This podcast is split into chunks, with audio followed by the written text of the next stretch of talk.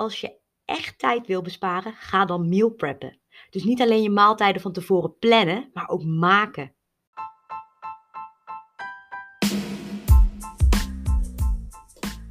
Welkom allemaal bij Geluk is een Keuze, de podcast voor vrouwen die meer uit hun leven willen halen. Ik ben Pauline Hendricks en in deze podcast deel ik tips, tricks, motivatie en inspiratie die jou gaan helpen om je gelukkigste leven te leiden. Geluk is geen eindbestemming, geluk is een keuze. Een keuze die je elke dag opnieuw kunt maken. Let's dive in!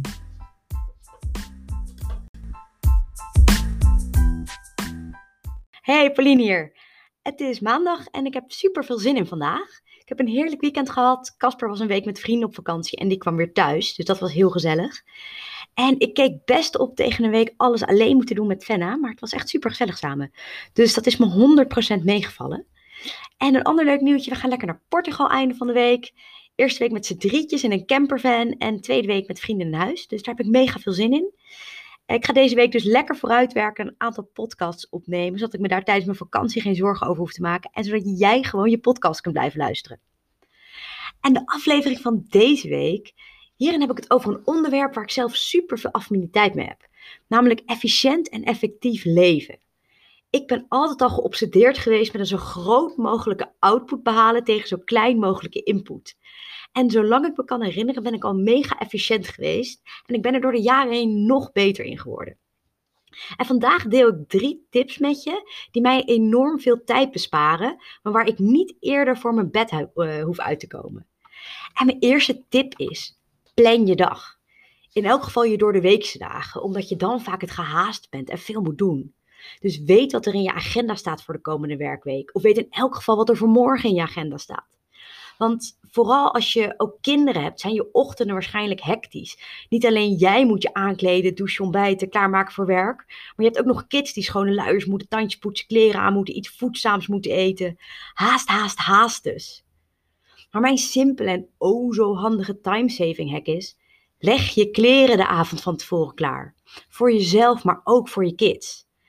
En doe het voor je kinderen op zondagavond voor de hele week. Of anders de avond van tevoren. En laat je kids je helpen. Dan hebben ze inspraak gehad en is er in de ochtend minder gedonder. Kijk, ik werk nu vooral thuis. Maar toen ik nog naar kantoor ging, legde ik elke avond mijn kleren klaar. Niks zo vervelend als morgens vroeg met je slaperige kopje moeten bedenken wat je aan moet trekken. En wat ik zo vaak heb gehad, dat ik 10 minuten voor mijn kast heb staan twijfelen, dan koos ik met mijn slaperige kop voor een casual look en kwam ik er op kantoor achter dat ik klanten moest zien en beter iets netters had aan moeten trekken. Gewoon onhandig. Dus ik heb er een gewoonte van gemaakt om in mijn agenda te kijken, kijken wat voor afspraken ik had en daarna gewoon mijn kleren eh, neer te leggen. En voor Fenna net zo.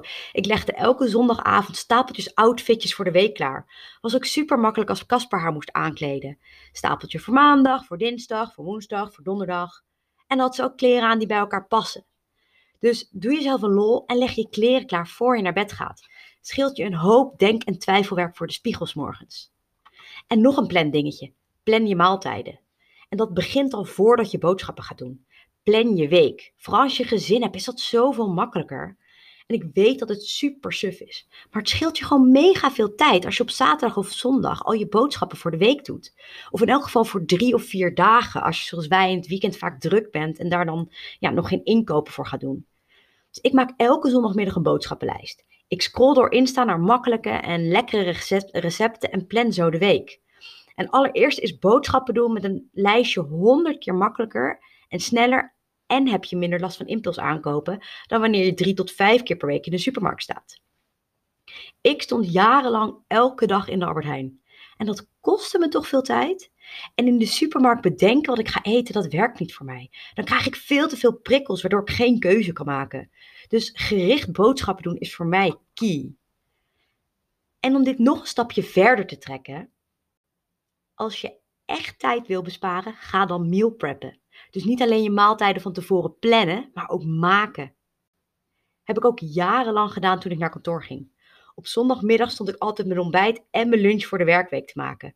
Had ik allemaal bakjes in de ijskast staan. I know, mega burgerlijk, maar oh wat handig. En dan hoefde ik niet elke dag na te denken wat ik zou eten. Dan wist ik dat ik mijn voedingsstoffen binnenkreeg en dan hoefde ik er ook niet over na te denken. En nu ik thuis werk, doe ik dat niet meer.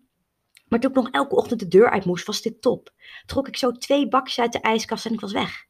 Elke ochtend een yoghurt met overnight oats en een salade voor smiddags. Een appel en banaan in mijn tas en gaan. En ik was dan altijd rond 8 uur op kantoor. Dan ging ik mijn e-mails doen en mijn ontbijtje eten. En dan was het nog zo lekker rustig. En tegen de tijd dat iedereen rond 9 uur kwam binnendruppelen, was ik al helemaal up and running. En meal preppen scheelt je overigens ook super veel kantinegeld. En voor je denkt, ja, in theorie heel leuk, maar ik heb echt geen zin om een halve zondag in de keuken te staan om al die maaltijden te maken. Think again. Het is echt zo gefixt. Als je op zondagavond toch aan het koken bent, kun je best nog wat meer groentes hakken en snijden voor je saladelunches.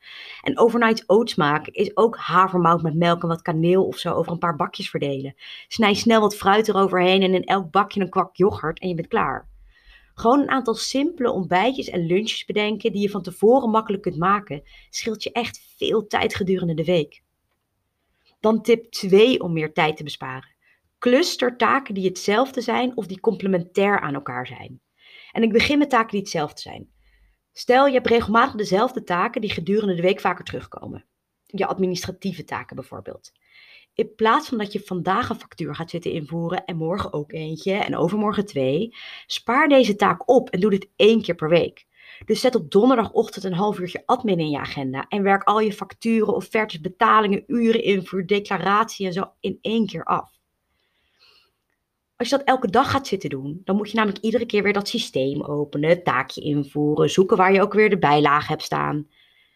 En kijk, het is niet moeilijk, maar het is wel elke keer net 10 minuten. Als je het elke dag doet, is dat gewoon zonde van je tijd. En als je deze taakje nou in één keer doet, kost het je niet vier keer 10 minuten, maar hooguit een kwartier, omdat je toch al het systeem zit. Je bent dezelfde handeling meerdere keren achter elkaar aan het doen, waardoor het dus ook sneller gaat. En ook hoef je je focus minder vaak te shiften, waardoor je beter in je flow zit. Dus het klinkt misschien als minuten scharrelen, maar op wekelijkse basis scheelt het gewoon echt tijd. En dan taken die complementair aan elkaar zijn. Cluster die ook. En ik bedoel hiermee niet gaan multitasken, want zoals je weet ben ik daar niet zo'n fan van, omdat je dan je aandacht tussen twee dingen probeert te verdelen die je aandacht ook echt nodig hebben. En het resultaat is dat je daardoor juist langer bezig bent. Wat ik hiermee bedoel is, ga slim om met je tijd en combineer die dingen die je kunt combineren, omdat bijvoorbeeld één taak een automatische handeling is, waardoor je niet echt hoeft na te denken. Dus wat ik bijvoorbeeld vaak doe, is als ik even een werkpauze neem, dan ga ik vast koken. Dan ben ik weg van mijn laptop, maar doe ik tegelijkertijd iets wat me later op de dag weer tijd gaat opbrengen. Of ik luister naar podcasts terwijl ik sport of wandel. Ik ga zelf douchen als Fenna in bad zit. Ik ren Fenna naar de crash in haar kinderwagen, want dan heb ik mijn warming-up al gehad en zo maak ik Fenna wegbrengen al onderdeel van mijn workout. Dus Bel je moeder als je in, je in de auto zit. Luister naar een podcast terwijl je stofzuigt. Of schrijf in je journal terwijl je koffie zet. Of wacht tot je theewater kookt. En de laatste tip die ik met je wil delen, waardoor je meer tijd overhoudt zonder eerder op te hoeven staan, is: zeg vaker nee. Ik heb, daar, ik heb er laatst nog een hele podcast over gemaakt. Maar jij hoeft echt niet alle shit van en voor anderen te fixen. Nee zeggen is tijd overhouden. Nee zeggen is minder dingen doen waar je geen zin in hebt en meer dingen doen die je wel leuk vindt om te doen. Vaker nee zeggen bespaart zoveel tijd.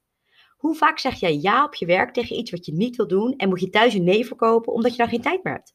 Draai dat om. En als je het moeilijk vindt om nee te zeggen of tips wil hebben waardoor je makkelijker nee kunt zeggen, luister dan even terug naar aflevering 13.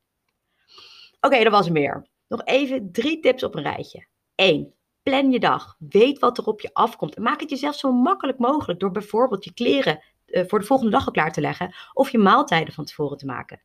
2. Clustertaken die hetzelfde zijn of die complementair aan elkaar zijn. En 3. De laatste, zeg vaker nee. Je zult zien wat je dat aan tijd gaat opleveren. Dus doe er je voordeel mee. En als je het leuk vindt, kun je me enorm helpen door een review te schrijven. Dat doe je door in je Apple Podcast app naar geluk is een keuze te gaan, naar beneden te scrollen en bij recensies en beoordelingen wat te schrijven. Reviews zijn namelijk de manier om podcasts die je leuk vindt te helpen. Dus als je deze podcast leuk vindt, dan help je me hier enorm mee. Oké, okay, ladies, thanks. Dat was het weer. Dank voor het luisteren en tot volgende week. Bye! Ik hoop dat je het weer een leuke aflevering vond. Zo ja, screenshot de podcast, vind en tag me op Instagram onder de Superpower Mindset en post me op je tijdlijn of in je stories. Ik vind het heel leuk om te zien wie er luistert en wat je eruit gehaald hebt. En ik zou het helemaal prachtig vinden als je ook een review zou willen schrijven. Dit helpt me om een boodschap met nog meer vrouwen te kunnen delen, zodat ook zij bewust kunnen kiezen voor hun geluk. Kost je echt maar 30 seconden. Dankjewel voor het luisteren en tot de volgende keer.